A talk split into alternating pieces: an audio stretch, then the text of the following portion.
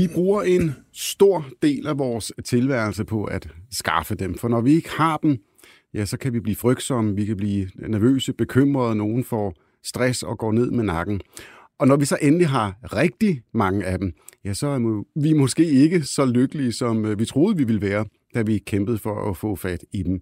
Det handler naturligvis om penge.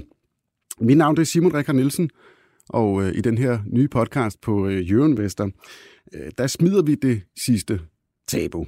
Velkommen til Penge er noget, vi taler om.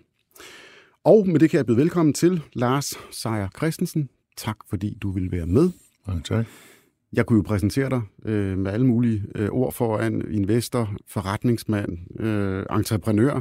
Men jeg tænker i den her sammenhæng, der vil jeg bare kalde dig for øh, milliardæren og mennesket, Lars Seier Christensen. Det bestemmer du fuldstændig. Det lyder godt. Øh, vi skal jo tale om penge, og jeg er glad for, at du gerne vil øh, stille op og tale om, øh, om, om penge. Hvorfor tror du egentlig, der er så mange øh, velhavende og succesfulde mennesker, som har det lidt svært ved at tale om det med penge? Øhm, jamen, det er måske fordi, at, øh, at det i virkeligheden ikke er, er det, man går rundt og tænker på hele tiden, selvom folk måske tror det øh, Øh, eller at det betyder så vanvittigt meget. Det er selvfølgelig nemt at sige, når man har det, men, men, men penge er jo ikke, det er jo ikke sådan, folk har sådan et Joachim von Anden billede af, at man står og tæller dem op hver, hver morgen, og, øh, og det er jo ikke det, der sker. Altså, øh, du, du lever øh, et liv, øh, som du nu finder det bedst, og så, så giver det nogle muligheder, som du måske ikke ville have, hvis du havde færre penge. Øh, men det er jo heller ikke sådan omvendt, at du partout skal bruge en formue hver eneste dag. En, en, en bøf smager lige så godt, øh, uanset om man uh, er milliardær eller man ikke er det. Så jeg, jeg tror ikke, det fylder så meget som i, i, i mit liv at gå rundt og tænke på penge, som folk måske forestiller sig i virkeligheden. Så jeg er ikke særlig interesseret i penge per se, men, men jeg er selvfølgelig interesseret i de muligheder, det giver, både, både på, for at have et behageligt liv, det er en ene ting, men, men i meget høj grad også, hvad det giver af muligheder for at investere i ting og, og være med i, i, i nye ting øh, og, og prøve forskellige ting, som, som øh, hvor man har lidt mere luft, fordi man godt tillader sig, at nogle af dem går galt en gang imellem, uden at, at der er vild panik i den grund, men, men det er dog ikke noget ved, at noget af det gerne skulle gå godt også en gang imellem. Og det med at investere øh, det skal vi tale meget mere om. Øh, inden at du kom her i studiet, da jeg prøvede at, at lokke dig til at være med i det her, øh, også med, med en lille whisky, som vi sidder og drikker her, her for, for åben mikrofon. Virk, virkningsfuldt, vil jeg sige. Præcis. øh, men, men du havde lige én betingelse, og nu bliver det måske lidt meta tavligt, at jeg så bringer det på banen, fordi du sagde til mig, altså, jeg gider ikke det der poppet, jeg gider ikke sidde og snakke, tale om, om, om min både og øh, biler og dyre vine. Og jeg spørger dig bare lige, hvorfor egentlig ikke? Fordi rigtig mange har et indtryk af, af dig, som følger dig på Facebook og, og Instagram, og det er jo det søde liv. Ja, men, men, men altså, det, det, jeg synes ikke, det er det, der, der er så interessant, og derfor er jeg også øh, ikke særlig vild med. Der er mange gange journalister, der gerne vil komme ned og besøge mig i Schweiz og, og tage en fotograf med og så videre, og så videre. Jeg har bare en, en dårlig erfaring for det, så er det pludselig det, der fylder. Altså, så, så er det mere vigtigt at bringe et billede af en, af en lækker bil eller et eller andet, end at, end at have en samtale. Ikke? Og, øh, og ja, jeg kan godt lide biler, jeg kan også i særdeleshed godt lide, lide gode vine. Men altså, det, det, det er jo noget, som, som kan man sige, en af de her effekter af at have nogle penge, at, at du, kan, du kan købe en lidt bedre bil, du kan drikke lidt bedre vin, hvis du gerne vil det, men, men jeg synes ikke, at det skal ligesom overtage hele, hele billedet, fordi, fordi så meget fylder det altså heller ikke mere i mit liv. Der er masser af mennesker, der godt kan lide at have en lækker bil, og det behøver man jo ikke nødvendigvis at være milliardær for at have. Hmm. Det, det bliver så også det sidste. Vi kommer til at tale om, om biler, både og, og vine i den her podcast. Øh, jeg vil nemlig meget gerne tale med dig om, hvad det, hvad det gør ved en som person, øh, at have fået så stor øh, økonomisk succes, øh, som du har. Øh, på et eller andet tidspunkt i dit liv, der må det være gået op for dig. Og jeg tænker ikke bare på, på øh, den dag, du solgte aktierne i Saxo Bank, men på et eller andet tidspunkt i dit liv, så må det gå op for dig, okay, jeg kan faktisk drive det her, det jeg kan, mit talent, det kan jeg drive til noget, hvor jeg i økonomisk forstand kan få virkelig stor succes, hvor jeg i princippet er kommet dertil, hvor jeg måske ikke behøver at øh, knokle så hårdt eller arbejde resten af mine dage. Øh, kan du sådan sætte, øh, kan du huske, hvornår det var, hvor du siger, den er sgu hjemme? Jeg kan huske, hvornår det ligesom gik op for mig første gang, at vi, vi havde noget, som andre folk satte pris på i, i, i Saxo Bank regi. Det var, det var første gang, vi, vi lavede en stor handel med en kapitalfond. Det var første gang egentlig, at de her øh, fantasibilleder, vi havde oppe i vores hoved af, at Saks Bank var en værdifuld og, og, og spændende virksomhed, det ligesom blev konkretiseret. Der er altså ikke noget som det faktum, at folk rent faktisk vil betale dig for noget, der i samme omfang beviser, at det er noget værd. Du kan gå rundt og drømme af, af noget af mange penge værd, men, men, men du beviser det sådan set først, når der er nogen, der er villige til at betale den pris. Ikke? Så jeg vil sige, deromkring, hvad har det været i 2004-2005, hvor, hvor, hvor eksterne parter begyndte at interessere sig for Saxo Bank, øh, jeg ved ikke, om vi blev nævnt til en eller anden øh, venture capital konference eller sådan noget, pludselig var der en stor interesse, ikke bare fra en, men flere. Øh, og, og det var det, tror jeg, første gang, det sådan rigtig gik op for os, øh, for Kim og mig øh, på det tidspunkt, at øh, Kim Fornem, min, min partner i, øh, i Saxo Bank, øh, at, at det, vi havde bygget her, det rent faktisk havde også en værdi for andre mennesker, ikke, ikke kun i vores egne hjerner.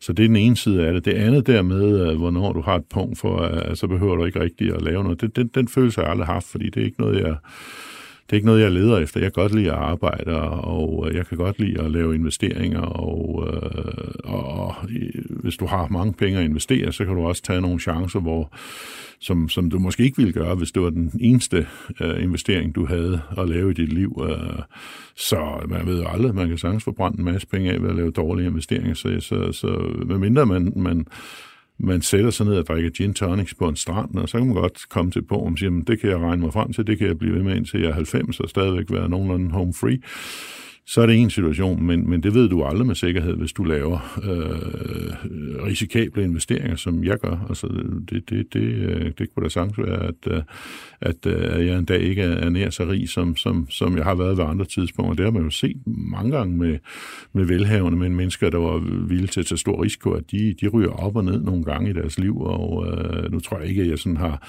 jeg har ikke det der fuldstændig vanvittige gambler-gen, at jeg vil smide det hele væk på en forretning, men, men jeg er ikke bange for at tage risici, og derfor så stiger og falder min, min formue også i, i takt med, om, om de beslutninger er gode eller dårlige. Men det er omkring 2004 stykker. Hvad ja, vi lavede du? det først salg i 2005, men der var en række pågående til, til, til uh, General Atlantic på det tidspunkt.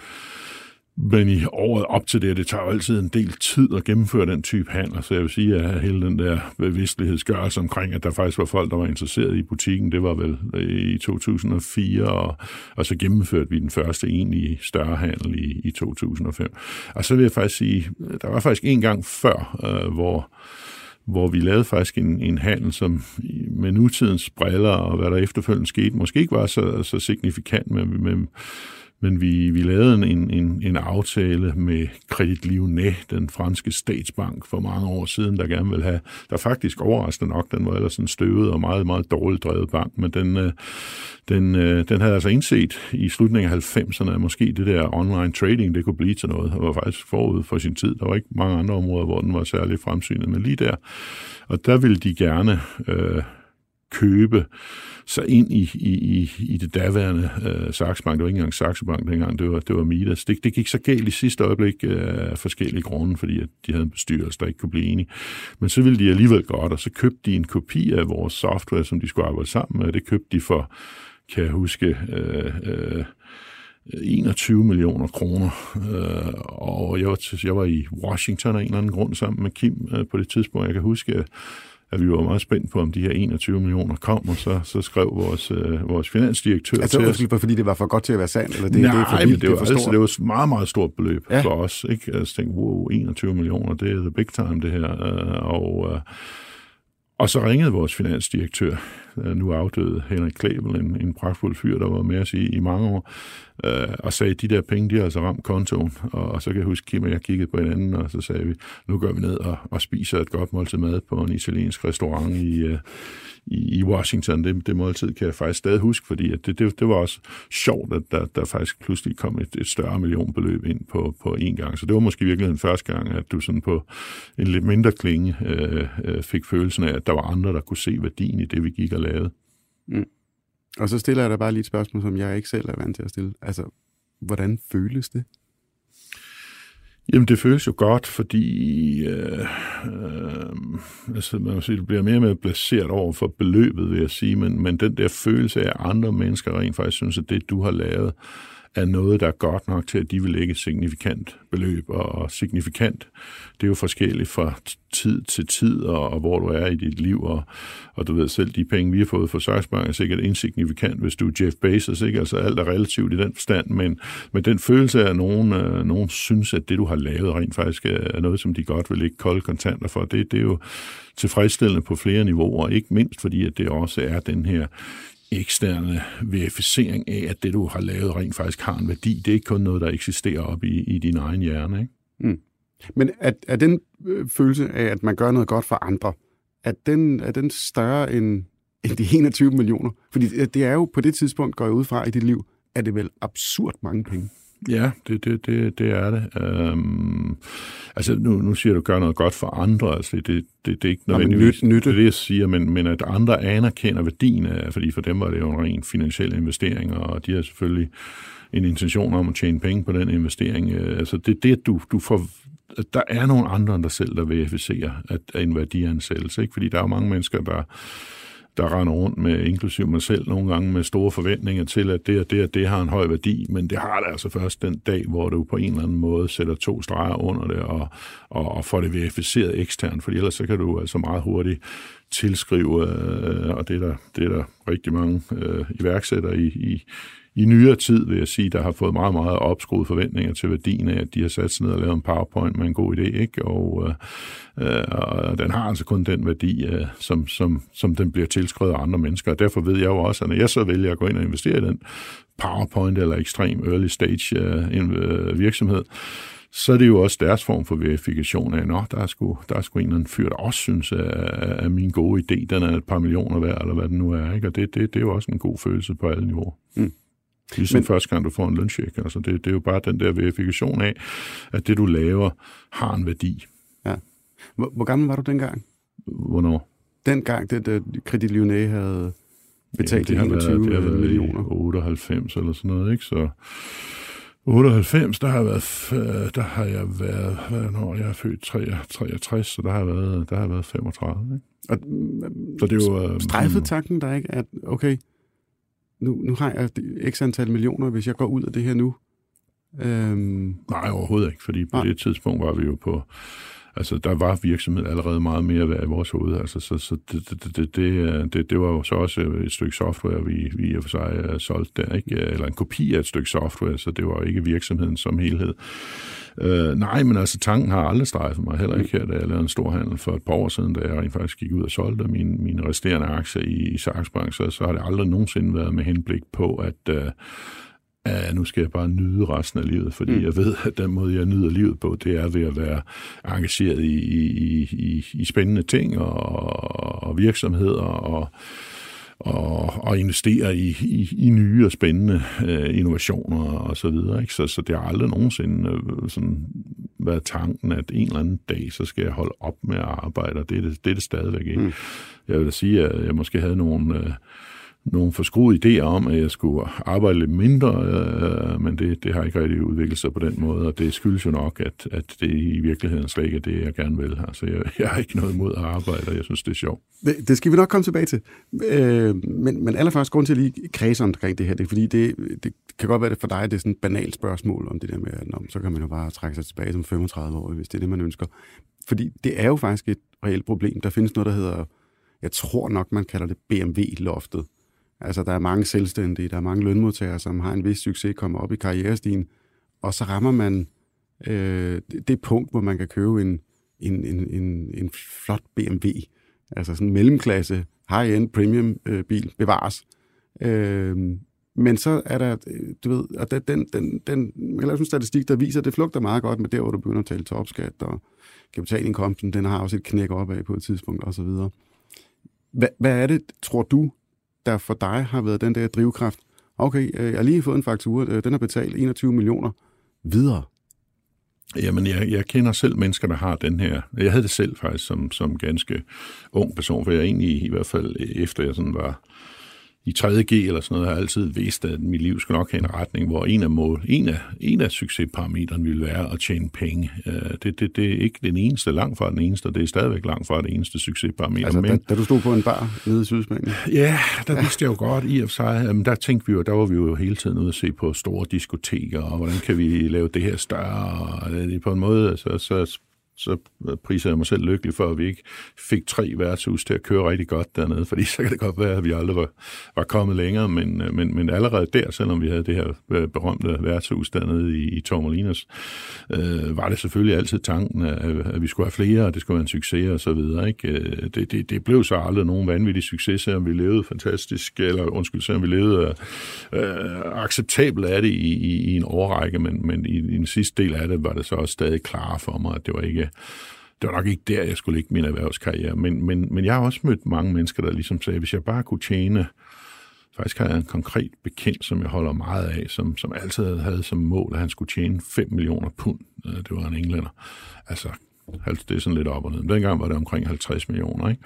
Øhm, og det var ligesom, så skulle han købe sig et hus ude på landet, og så skulle alt være, være fryd og gammel derfra, ikke? Og, og han piver altid over, at han faktisk aldrig øh, rigtig er kommet til det punkt. Han har et dejligt hus på landet, en børsmaler, han klarer sig sådan set udmærket, men han har aldrig rigtig fået, fået tjent det punkt, hvor han har 5 millioner i banken, og og jeg har mange gange prøvet at sige til ham, at punkt, punkt 1 er det jo et enormt fjollet mål at have. Altså, hvorfor ligner agtigt det? Og, og, og, hvad vil du så gøre? Fordi du kan jo godt lide at tage ind og, og arbejde i City of London og sådan noget, ikke? Og, og samtidig tror jeg måske også, at det, at du sætter dit mål så konkret, gør det vanskeligere for dig at nå det, ikke? Hvis nu du havde sat det til 100 millioner pund, så kan det være, at du havde nået 5 millioner på et split, på et splitsekund, ikke? Men, men nu har du ligesom sat dig selv en begrænsning, som jo er et, et udmærket beløb, det er ikke det, jeg siger, men, men som jo på ingen måde er top ambitiøst i forhold til, hvad du, hvad du kunne være inden for en, en succesfuld børsmaler, for eksempel.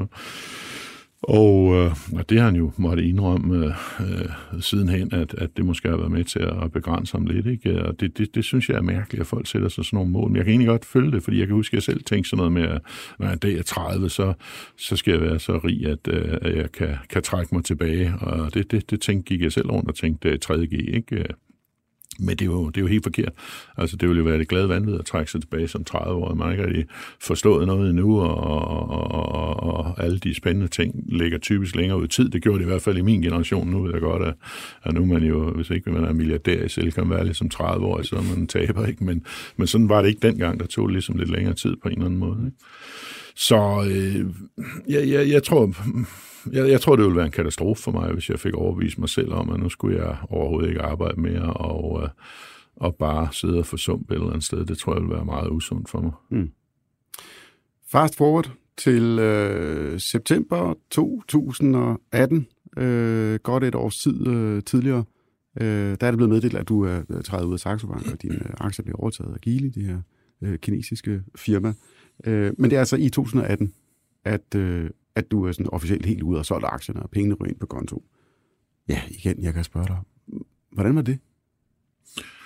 Øhm, det var da også en, en altså, det var da også en rar følelse. Jeg havde faktisk været ude af aktiv deltagelse i Saxo Bank noget længere. Jeg mener, det var omkring 1. januar 2016, at jeg Ja, det var 1. januar 2016, at jeg, at jeg øh, stoppede som, som direktør i, i banken.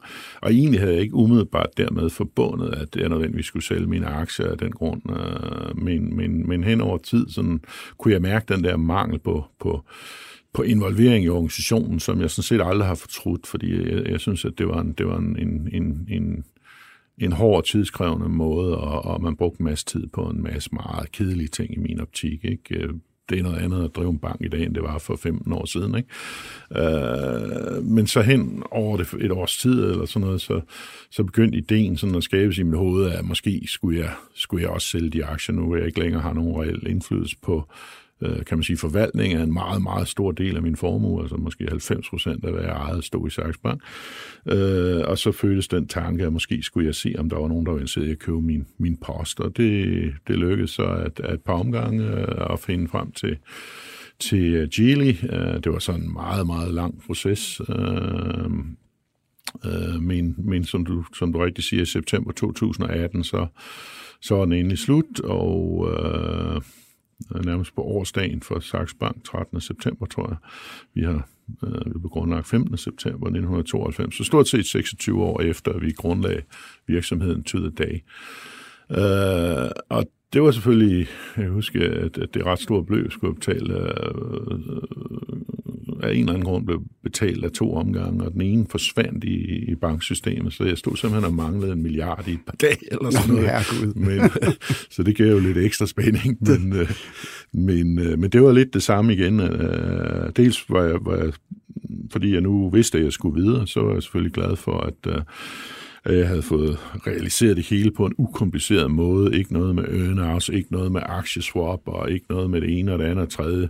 Kolde kontanter. Uh, tusind tak for den gang til, til Saxbank, og, uh, og videre i teksten, uden alt for meget, der sådan hang i bremsen mange år ude i fremtiden, som det jo tit er med sådan nogle handler, at der er alle mulige ting, der så gør, at du kan blive betalt lidt mere fem år senere, eller hvad ved jeg. Men, så det var meget ren handel på en eller anden måde, og, øh, og, og derfor var det jo dels, så kan man sige, øh, friheden ved, at du nu havde seriøse midler til at, in, at involvere dig i nye ting for, og også, at du definitivt havde fået slag, slået to streger under, under resultatet i Saxo Bank. Ikke? For man kan sige meget, altså hele, hele, hele rejsen med Saxo Bank var jo, var jo helt fantastisk, og stadigvæk noget, jeg ser tilbage på med, med stor glæde og, og stor stolthed. Men, men sådan en rejse er jo ikke definitivt slut, før når du ligesom ved, at det, at det ender godt, og at du kan slå streg under resultatet og, og sætte det i banken. Medmindre du har en dynastisk tilgang, at du ligesom tænker, at det skal gå videre til min efterfølger. Sådan har jeg, har jeg aldrig tænkt. Øh, så, så for mig var det en meget naturlig ting at få, ligesom at få slået de her streger under, under slutresultatet, og så sige, det var en lang rejse, den var hård nogle gange, den var spændende, den var udviklende, den var, den var i det store hele succesfuld og fremadstræbende, øh, og, og nu kan jeg også slå en streg under, at, at, at den rent faktisk blev afsluttet succesfuldt. Så det giver sådan en pæn lille øh, sløjfe rundt om, rundt om parken, ikke? Som, mm. som, som man lige så gør, så man har friheden til at tænke fremad, hvad så? Hvad, hvad, hvad, hvad så? Skal vi, hvad skal vi så lave herfra? Godt. Jeg prøver lige i det her program at, at komme lidt ned til, men det er godt, du tager en intro whisky. Skål. Ja, øh, det er i stedet for at bruge... Her, så. Jamen præcis. I stedet for at bruge de der irriterende skiller, som larmer helt vildt, så tænker jeg, at vi kunne lige skåle og, og få en, øh, en whisky. Skål. Jeg, jeg er faktisk ikke den store whisky-drikker normalt, men, øh, men det er meget hyggeligt. Du har sagt noget før. Nej, nej, jeg, jeg er fuldt ud tilfreds, fordi Nå, det er sådan det er de ting, man bliver mindet om, hver gang man så alligevel får en, og det smager jo egentlig ret godt. Jeg var øvrigt ude at se det der Copenhagen Distillery ude på, ude på Refsaløen, eller ude ved Kløvermarken, så en dansk whisky distillery, meget meget imponerende at, at se, hvad, hvad de Var det laver. en af dem, du faktisk specielt. overvejede at investere i? Nej, det har jeg ikke rigtig været, været inde over. Det kan godt være, at de har haft bagtanker med at invitere mig ud, det skal jeg ikke kunne udelukke, men, men de havde faktisk nogle ret fantastiske whisky, som er lavet på, på, på dansk, dansk jord ja. og dansk vand og sådan noget, så meget spændende. Spændende. Det her det er jo en uh, skotsk uh, ja. whisky. Podcasten er sponsoreret af Skagenfondene. I Skagenfondene har vi fokus på aktiv, value-baseret investering. Kontakt en af vores rådgivere og hør mere om den bedste investeringsløsning for dig. Læs mere på skagenfondene.dk. Øh, vi skal tilbage til det med pengene. Er der noget, når... Øh, altså nu, nu, nu du er det jo i en helt anden liga øh, end de øh, 21 millioner, der røg ind øh, øh, dengang, da du var 35. Er der egentlig noget, altså ikke økonomisk forstand, men nogen, er, der, er der et pres, der følger med? Øh, et, et forventningspres, øh, både fra omverdenen, men egentlig også fra dig selv. Det der med, at nu, nu skal du fandme også passe på pengene. Lars, er der en stemme i dig, der siger noget til dig? Der er ikke noget, der siger, at nu skal du passe på pengene, men, men der er jo selvfølgelig et, uh, et uh, hvis man vælger at gøre det til et pres, altså sådan nogen som dig, der er jo uh, med, med, med stor... Ja, nu lige ikke lige dig, du, du er flink nok, men der er nogle af dine kolleger skriver med stor glæde, hvis de kan finde et minus i et regnskab eller andet sted. Så det, det gør jeg nu også Så bliver du svinet til, som om, at du ikke kan finde ud af at køre en pølsevogn, selvom du har investeret i en eller anden startup, hvor du må forvente, at du taber penge mange år, før det eventuelt giver et overskud. Ikke? Så, så, så du har jo hele tiden den her øh, at folk interesserer sig mere for en lille investering for mig, end de måske gør for så mange andre. Og, og en ikke ubetydelig del af journalisterne interesserer sig især for den, hvis den går dårligt. Ikke? Og, det, og det skaber selvfølgelig et eller andet, at du har du er meget sådan udstillet i forhold til, øh, nå, øh, var han total one, one trick pony her, ikke? Øh, kan, kan han i virkeligheden, var han bare heldig med det der saksbank, ikke? Og det er der mange, der ynder at fortælle den historie der. Så, så, så hvad, du siger er du, lidt... hvad siger du til den historie? Jamen altså, øh, jeg, jeg har jo... Jeg kender jo lidt til de risiko... Altså til, en risiko, til risikomanagement generelt, og hvordan du, du ligesom... Hvis du investerer meget tidligt i startup, så ved jeg jo godt, at 9 ud af 10 af dem ikke kommer til at lykkes. Mindst. Øh, Øh, men det ved andre folk ikke. Øh, så, så, så, så derfor kunne det godt se ud, hvis du har en masse ting, der ikke lykkes, så kan det godt se ud som om, at du, du er en total klaphat. Men i mit parameter, så ved jeg at bare en ud af 10 lykkes nogenlunde, og så en ud af 50 lykkes fantastisk. Så, så har jeg sådan set uh, gjort det samme som en, en hver anden øh, dygtig startup incubator. Ikke? Jeg kan huske, øh, at jeg talte med med en af dem, der har uh, topfolk i, i Y Combinator, som jo er måske verdens benchmark for, for sådan meget, meget tidlige inkubator-investeringer. Han fortalte mig, når de investerede i, i 100 selskaber, så gik, og de havde jo tallene, fordi de investerede investeret i tusinder af selskaber efterhånden, ja, så går 88 konkurs ud af de 100. Øh, af de resterende 12, så er der 10-11 stykker, der dalrer videre, og sådan kommer nogen videre i teksten og så er der et home run. Og hvis mm. du er rigtig heldig, så er der to home runs i sådan en batch på 100. Ikke? Og, og, og det er bare vilkåren for at investere i meget, meget tidlige øh, virksomheder. De har så ramt nogle rigtig gode af de der home runs, altså Airbnb og Dropbox og Uber og et par andre små ting. Ikke? Men, men, men altså, det er jo virkeligheden, at, at, at hvis du vælger at tage de der meget, meget tydelige risici, så, så er der også en meget høj øh, probabilitet for, at det går galt. Ikke? Men, og, og den del af din... Øh, altså, det er jo iskold overfor, fordi det ved jeg jo, før jeg går ind. Ja, ja. Men det er også fordi, lige nu, så kan jeg næsten høre, at du, du taler om den del af din portefølje, som, som jo nærmest er sådan venture-kapitalfonds-agtig, eller business angel, eller hvad vi skal kalde det. Øhm, og, og så er der noget, som er, der er en stor aktiepost i parken, og så er der Concordium, øh, som jo også er selvfølgelig øh, unoteret. Det vil jeg godt lige vende tilbage til. Det synes jeg nemlig er spændende lige at høre meget mere om. Øhm, men, men hvad er Altså, hvad er den, hvad er den sådan overordnede strategi? Den, den, den, den er der ikke rigtig. Okay, det, så, den røde tråd, så giver det mening. Nej, altså jeg vil sige, jeg startede ud med i og for sig at tænke, øh, jeg var over og brugte en hel del tid i San Francisco og sådan noget på at studere den type setups der. Jeg, jeg kan jo godt lide startups. Jeg kan godt lide de her sådan, altså type, de behøver egentlig ikke at være unge, den ideelle alder, og det, det skal jo være en glæde for enhver person, der sidder og tænker, jeg kommer aldrig i gang, men den aktu, absolut bedste tidspunkt at starte som iværksætter på, det er fra 39 til 41, det viser, det viser øh, alle opgørelser. Der har du den største chance for succes i den aldersgruppe.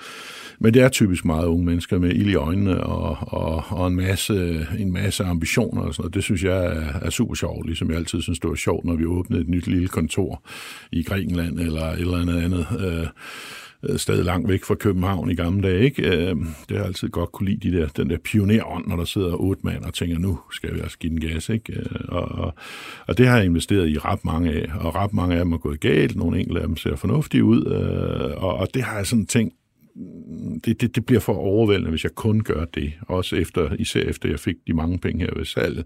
Fordi så er du ude i, at du ikke længere taler om at have 30, men jeg har flere hundrede, og, og så bliver det helt uoverskueligt. Og, og det har desværre den ene kedelige ting er, at du, du bruger mest tid på det, der går dårligt. Ikke? Så det vil sige, du, det, der går godt, det, det, hvis du har mange ting på tallerkenen, så, så koncentrer dig lidt en gang mellem om at redde de, de, de, de læs, der er ved at vælge fuldstændig. Ikke? Det giver sådan en ubalance i, i dine oplevelser. Det, der går godt, det bruger du ikke så meget tid på, men det, der går skidt, bruger du væsentligt mere tid på. Så det giver sådan en, det, det er også helt forkert, for man burde selvfølgelig bruge meget mere tid på der Det er nærmest et kapitalistisk paradoks, du sidder og fortæller Ja, ja, og, og det, det er også det, jeg lidt er kommet frem til. Jeg, jeg har i en senere tid meget begrænset de der små investeringer, og så kommet frem til, nu er jeg, nu er jeg øh, lavet et par lidt større investeringer. Parken var det første eksempel på det. Jeg tænkte, det, det må da være en rigtig fin ting, det her tre forskellige forretningsben, det kan jo muligt gå galt altid, alt, alt sammen på en gang, men det, det kunne det så med det her skide covid, ikke? Men, øh, men, øh, men det er sådan et eksempel på, at jeg godt tænke mig at have sådan et par poster, der, der dels, øh, og det mener jeg stadigvæk kan være rationelle investeringer, jeg tror stadigvæk, der er betydelig upside i, i de forskellige ben af parken, når, når, når vi får en normaliseret situation igen. Øh, men, men også som du har lidt passion for. Altså, så, så, fordi jeg, jeg, jeg kan godt lide at have hjertet med i det, jeg laver, og jeg synes, det, det, det er sjovt at, at, at være lidt inde over FCK, som er klub, jeg har støttet siden den startede. Og, øhm, øh, og jeg selvfølgelig også øh, synes, synes at, at, øh, at det er spændende ting og meget, meget gode forretninger, for eksempel i LaLandia, ikke? Som, som er en, en fremragende forretning selv i.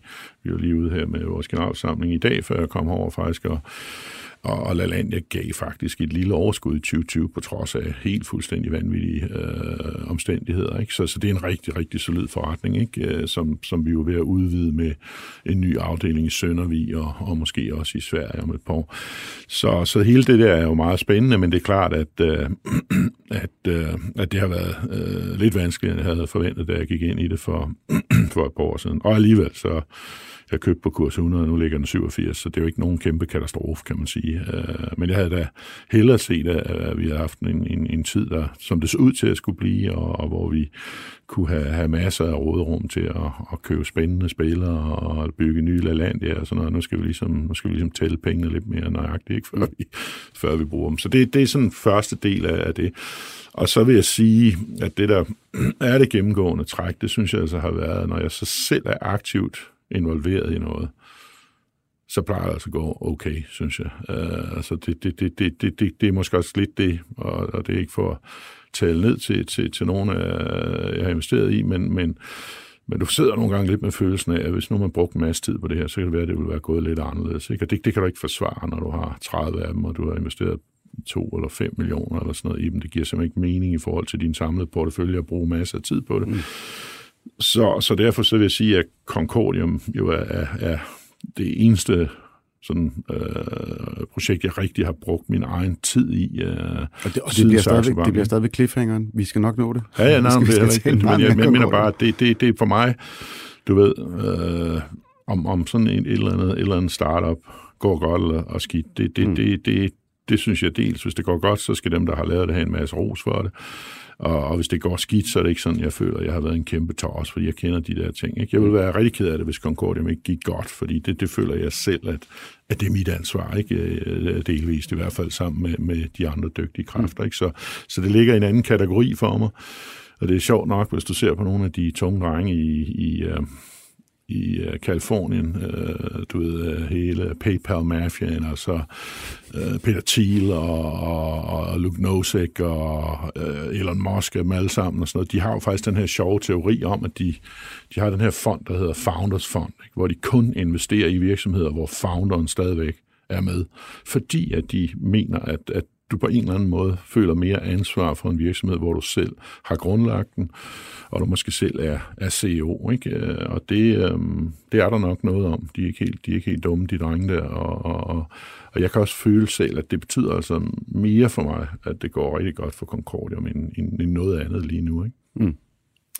Men de investeringer, som, som du nævnte det her med, at pressens journalister interesserer sig måske lidt for meget for, at der var noget, der lukkede derover, og så var noget, der havde gav et stort underskud derover.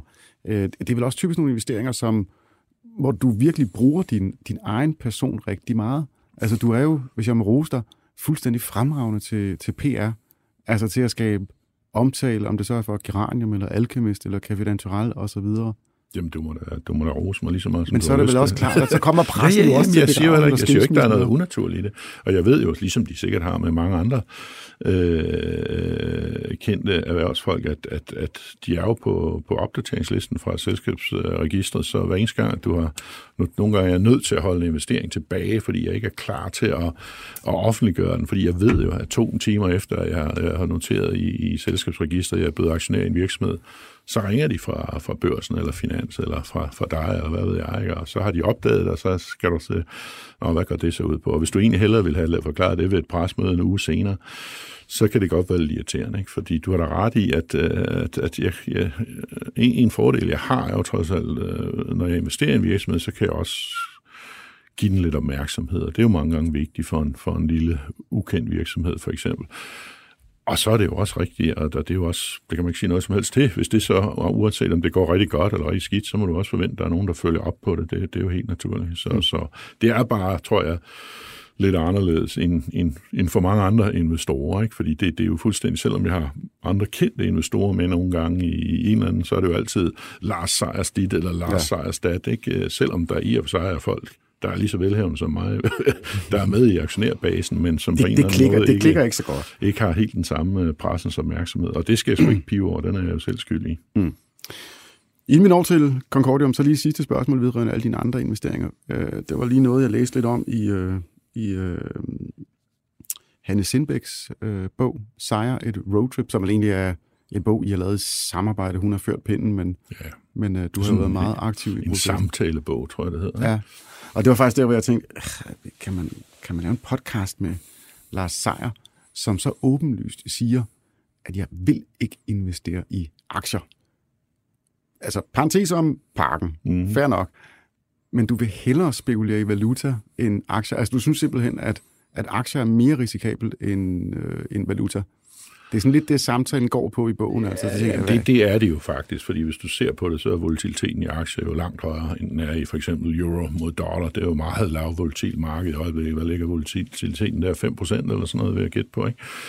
Øh, så, så rent objektivt, så er det jo et mindre volatilt marked. Det, der gør, at mange mennesker kommer galt af sted i valuta og sådan noget, det er, at du kan give det helt utrolig meget. Øh, så, så derfor så kan du, på trods af, at det er et lavvolatilt marked, så kan du alligevel gøre det, gøre det noget, der virkelig rykker tænder ud ved at give det 10, 20, 50 gange. Ikke? Øh, og det kan man jo selv vurdere. Øh, jeg, jeg synes umiddelbart, at øh, for eksempel sådan noget som eurodollar, øh, har, har, er mere fossil end, end, end, end et aktiemarked. Jeg synes, du handler det på kort sigt. Ikke? Det er klart, at et aktiemarked generelt, altså, så, hvis du lægger pengene og kommer tilbage 20 år senere, så taler sandsynligheden for, at det er steget. Ikke? Men hvis du handler flere gange dagligt, som, som, som jeg gør ikke i øjeblikket, men, men når jeg har gjort det og har, har synes det var sjovt, så, ja, så er der også meget lave omkostninger ved at handle i valuta. men det er sjovt, altså, er det, er det underholdning? Ja, det er det jo nok delvis, ja. Det er Ja. det jo nok delvis. Det er jo ikke, det, det, det, det, det, det er ikke nødvendigvis en rationel måde at bruge tid på, men, men det, jeg synes, det er Men også alle, sjovt. alle økonomer og formueforvaltere og eksperter, hvad ved jeg, de vil jo sige, det er jo, det er jo fuldstændig, det er fuldstændig vanvittigt. Du skal have en lidt bred portefølje, du skal have MSCI World, øh, det- globale det- aktier, ja, ja, så men- kører det. Men det, øhm, Det er kedeligt. nej, men det kan da godt gøre, hvis du har samme resultater som andre mennesker. Det, det er modtaget modsat. øhm, Til gengæld skal man altså også have lidt stærkere mave, tror jeg, for at lave nogle af de ting, jeg laver, end, øh, end, end, end hvis du bare investerer i MSCI. Godt. Vi, øh, nu kommer vi til det. Concordium. Ja, altså primært så har jeg et spørgsmål, og sikkert en masse opfølgende spørgsmål. Men, men hvis nu du skulle, øh, hvis nu vi sad til et eller andet middagsselskab, og, og vi to ikke kendte hinanden, og øh, du skulle bare forklare mig, hvad det er. Hvad siger du så egentlig? Ja, det er jo altid svært at forklare. Uh, ikke fordi det er så vanvittigt komplekst, men hvordan vil du forklare internettet på, på 30 sekunder? Altså hvis du ikke havde hørt om det før, for eksempel. Ikke? Det vil også være lidt op ad bakker. Jeg sammenligner det faktisk meget med internettet. Det er en form for, det vi bygger i hvert fald, det er en, en, en, en hvad man kalder en foundational blockchain, en layer 1 blockchain. Det vil sige en blockchain, som egentlig ikke er målrettet en specifik industri, men som er sådan en, en, en turnkey solution, du kan tage ned fra hylden, og så kan du bygge dine egne ting ovenpå det. Derfor ligger det tættere op af, at være internettet, end at være Amazon eller Facebook eller Google. Vi prøver at bygge det nye internet for, for, for en ny type virksomhed. Og hvad er den nye type virksomhed, der kan skabes på, på blockchain? Jamen det er jo en virksomhed, hvor, hvor du pludselig har en, en, en 100% garanti for, at, øh, at der ikke er noget, det der hedder single point of failure. Der er ikke én ting, der kan gå galt et eller andet sted, og så, og så rappler det hele. Øh, der er ingen mulighed for, at folk kan snyde dig, hvis du skriver en smart contract korrekt. Det vil sige, at hvis du laver en kontrakt, som du sætter ind på en blockchain, og du øvrigt skriver den ordentligt, jamen, så vil den blive ved med at gøre det, som, I to har, som vi to har aftalt. Prøv, kan du prøve, prøve at være helt konkret der? Det kunne være Hvad for det være? eksempel, at... Hvis vi to handler et eller andet, Jamen, hvad... det, det, det kunne være for eksempel, at vi byggede ind i den, at du skulle lege en lejlighed af mig øh, i, i 12 måneder, men du har ikke lyst til at betale det hele forud. Øh, jeg vil godt være sikker på, at du betaler mig hver, hver, hver, hver måned. Jamen, så kan du bygge det ind i en kontrakt, og der er no way in hell, du kan lade være med at betale mig øh, i, i de 12 måneder. Det vil sige, at vi fjerner sådan set nødvendigheden for det her tillidsforhold, eller, eller, eller vi fjerner øh, det, man vil kalde behovet for en due diligence af din betalingsevne. Jeg behøver ikke at tjekke, om du står i RKI. Hvis vi indgår sådan en kontrakt, så ved jeg, at du betaler mig øh, hver, hver, hver måned i, i, i en periode ud fra nogle fastsat parametre. Uh, og det er jo det, det der, der er så utroligt spændende her. At, den der blockchain kan jo ikke kreditvurdere mig. Det behøver den heller ikke, fordi den, den, øh, den, den tvinger dig til at, øh, at overføre nogle af dine aktiver til mig en gang. Øh, en gang øh, om, om måneden. Sjov nok, så er der faktisk en del ældre rigmænd, jeg har talt med, nu begynder jeg selv at bruge sådan en tåbelig udtryk som øh, ældre investorer, som får lys i øjnene og tænker, det der, kunne jeg virkelig bygge det ind sådan, at i de næste 20 år efter jeg er død, så bliver jeg kun release en del af min formue hver, hver måned til min, til mine efterkommere. Og det kan du faktisk, ikke? Fordi, er det noget, du selv overvejer? Hva? Nej, det, okay. men det er faktisk sjovt, fordi det er sådan noget, der, man skal jo prøve at anskueliggøre nogle gange for folk, hvordan de kan bruge det i praksis. Ikke? Mm. Men det er rigtig mange ting. Altså det, det er også noget med, at du, du kan bevise øh, rejsen for en vare og sådan noget, med alt det svindel og alt det, det bedrageri, der er i verden i dag, så, så er det her øh, en måde, hvor ved at, ved at indbygge nogle, nogle automatiserede kontraktforhold, øh, som simpelthen ikke kan øh, undlade at eksekvere i takt med, at blockchainen øh, når frem til visse punkter, jamen, så kommer du helt uden omkring det der. Ikke? Og, og, og det, det betyder mere, end man tror, øh, fordi øh, Øh, jeg har læst en gang, øh, at op imod 10 procent af verdens BNP går ind i funktioner, hvis primære formål er i virkeligheden at etablere, at du kan stole på den, du arbejder med. Det vil sige, at en meget stor del af advokatbranchen selvfølgelig går på, hvordan kan jeg være nogenlunde sikker på, at den her person betaler mig. Det kan du ikke engang, selvom, selvom øh, du har skrevet en flot kontrakt, men det giver dig dog en større chance for at håndhæve det. Ikke? Det er en meget stor del af vores betalingssystem, og en meget stor del af vores offentlige institutioner går i virkeligheden på det her med at, at identificere folk og være sikker på, hvad du har med at gøre. Ikke? Og hele det der, øh, hele det aspekt, øh, det, det, det kommer du udenom på en automatiseret måde på, på blockchain. Og det vil sige, Altså en slags tinglysning? Ja, det kan du sige. Og, uden staten, og tinglyst ejerskab og, og alle mulige former for, for automatiseret tillid, kan du sige. Ikke? Og, og, og det i mine øjne er jo en ting, at det kan forbedre en lang række eksisterende processer, men det kan faktisk også åbne op for en lang række ting, som vi slet ikke kan overskue i dag. Fordi hvis vi vil lave en eller anden ting, der måske drejer sig om 100 kroner, så vil det være helt meningsløst at gøre det, hvis jeg også skal bruge tid på at tjekke, om, om du står i RKI og, og alt muligt andet. Det, det vil simpelthen stoppe den, den, den øh, forretning, før vi overhovedet kommer i gang. Ikke? Mm.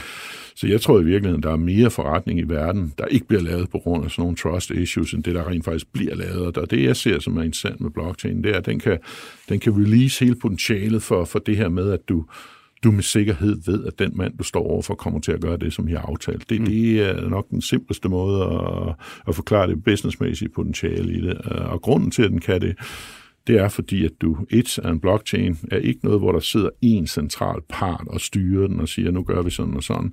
Nej, det er spredt ud over tusinder af mennesker, der alle sammen har en kopi af, af transaktionsforløbet, øh, og derfor så er der ikke en, der kan sidde og snyde på, på, på vægten og, og begynde at ændre på det, fordi så vil der være 9.999 andre, der siger, hallo, Marker, det, det er altså ikke det, vores viser. Mm. Og så på automatiseret vis får du så valgt den, den, den, den bredeste øh, opbakning til, til sandheden, kan man sige. Ikke? Hvordan er konkurrencesituationen inde på det marked her? Altså, hvor mange spillere som, som dig er i gang? Så, det kommer lidt an på. Der, der er jo, det, det er utroligt svært at gennemskue det her marked for, for mange mennesker, tror jeg. Ikke? Og du har, du har et første generation, du har jo bitcoin, som ligesom var var, det, var det, det skal jeg lige spørge dig om, fordi hver gang du skriver om Concordium på din ja. Facebook, så er alle dine fans, de går ud og siger, du har fat i den lange ende, og bitcoin og sådan noget, men, men det er jo ikke en kryptovaluta, du Nej, har lavet. det er noget helt andet end bitcoin, det her, ikke? Men, der er meget forvirring men, men det var det bitcoin er. faktisk også, da det startede, der, der var bitcoin jo heller ikke set som det, den er blevet, altså det, man kalder en store value, guld 2.0, alt det der, som folk kalder det nu, det var slet ikke derfor, den blev lavet oprindeligt, det er bare noget, man har fundet på efterfølgende, fordi den ikke kunne lave det, som den oprindeligt blev lavet til på grund af lav transaktionshåndtering, øh, altså meget, hvad er det, syv, syv transaktioner i sekundet, det er jo intet. Øh, så kom der så nogle år efter, kom der Ethereum, som, som er den, den, og den er også en foundational blockchain. For øh, Ethereum er ikke bygget til et specifikt formål, den er bygget til at kunne understøtte, at andre mennesker bygger noget ovenpå den. Og Ethereum indført øh, for første gang det her koncept omkring smart contracts, altså de her automatiserede kontrakter. Ethereum har også en lang række udfordringer i mine øjne, øh, og derfor så er der selvfølgelig folk, der ligesom alle andre steder prøver at forbedre de her foundational blockchains til at kunne skalere bedre, til at, at, at fungere på mange måder bedre. Altså der, er, der er rigtig meget kritik, du kunne rejse af Ethereum, og det fører, fører for langt det her, men men du kan sagtens lave en bedre version af Ethereum, og det er vi ikke de eneste, der gør. Det der måske 5-10 andre seriøse projekter i verden, der arbejder på. Nu understreger seriøse med ordentlig videnskab, med ordentlig, ordentlig forståelse af, hvordan virksomheder fungerer osv. Det, det er jo klart, der er jo, der er jo tusindvis af coins derude og tokens, som folk kan spekulere i, men hvis man går ind og kigger ned under hjelmen der, så er de allerfleste af dem er fuldstændig ligeglade med regulering. Det vil sige, de i princippet ligger sig åben for at blive for at blive lukket ned. Det kan man selvfølgelig ikke, men blive forbudt eller komme ud i alle mulige andre former for vanskeligheder. De, de er typisk ikke øh, i stand til at overholde almindelige identifikationsforpligtelser. De øh, er, er, er ikke bygget særlig smart ud fra alle mulige privacy-overvejelser øh, osv. osv. Men det vi har gjort, og det som nogle få andre også gør seriøst, og så der er konkurrence, selvfølgelig er der det, øh, er at bygge et seriøst nyt bud på, hvordan kan den her underliggende infrastruktur se ud, så den ikke kun kan bruges af nørder og anarkister, men også kan bruges af store virksomheder, som rent faktisk lægger rigtige forretninger ind på det her og, og det vil de så ønske at gøre på grund af de andre ting, jeg beskrev. Mm. Men i mine øjne, så kan du ikke som seriøs virksomhed rigtig forsvare at bygge noget oven på, på, på de tidlige generationer, og det er der jo heller ikke rigtig nogen, der gør. Det må man bare se i øjnene, og derfor så er det rigtig vigtigt at få bygget den bro til, til rigtig business, efter min mening. Ikke? Mm. Og det er det, vi prøver at lave. Og, og, og potentialet, det er selvfølgelig potentielt set meget stort, hvis du kunne bygge en, en foretrukken infrastruktur for det. Men der er også altså mange andre, der kommer med, der er mange andre, der kommer med et godt bud ja. på det. Men det svarer lidt til i virkeligheden, at du, du bygger internettet. Det er ikke vores job at bygge Amazon eller Facebook eller Saxbank eller noget som helst. Vi prøver at bygge en infrastruktur, som du kan bygge spændende ting ovenpå. Ikke? Mm. Jeg tænker ikke, vi kan ikke sidde her i over en halv time og tale sammen om alt det her, uden at vi lige kommer ind på Ayn Rand. Nej. Øhm, fordi hvad sker der, hvis, hvis uh, Concordium er en succes? Og jeg nævner Ayn Rand, fordi har hun ikke den der med, at det eneste øh, objektive, øh, målbare altså kriterie for, hvornår man har succes, det er, øh, hvor mange penge man tjener. Nej, det vil jeg faktisk ikke sige, nej. Nej, det, det, siger, du, det du kan måle en mands succes med hvor mange penge. Nej, det, det, det gør han ikke, fordi hvis du tjener den på en forkert måde efter hendes mening, okay, yes, altså for eksempel yes. ved udnyttelse af statslige uh, tjenester og favorisering, så er det ikke, så må du heller ikke have penge. Uh, Ayn Rand havde stor respekt for ganske almindelige mennesker, der går ud og varetager en, en en, en reel værdiproducerende opgave. Ikke? Det hun ikke kunne lide, det var folk, der ligesom fandt måder at og, og snylte på andre folks produktive aktivitet, men jeg mener ikke, at man på nogen måde kan sige, at, at, at målstokken er, at du skal være den rigeste mand i verden, uh, for at være den bedste mand i verden. Og det tror jeg, hvis man kigger rundt i, hvem der har rigtig mange penge i den her verden, så tror jeg ikke, at Ayn Rand ville favorisere visse af dem. Totalt total sidespor. jeg tror ellers, jeg har øh, 3-4 Atlas Rock liggende på hylden, som jeg har fået af, af Saxo Bank. Jamen, den er også værd at læse. Åbenbart. Men, men, men hvad, altså, hvad drømmer du om? Hvad, altså Concordium, hvad kan det drives til?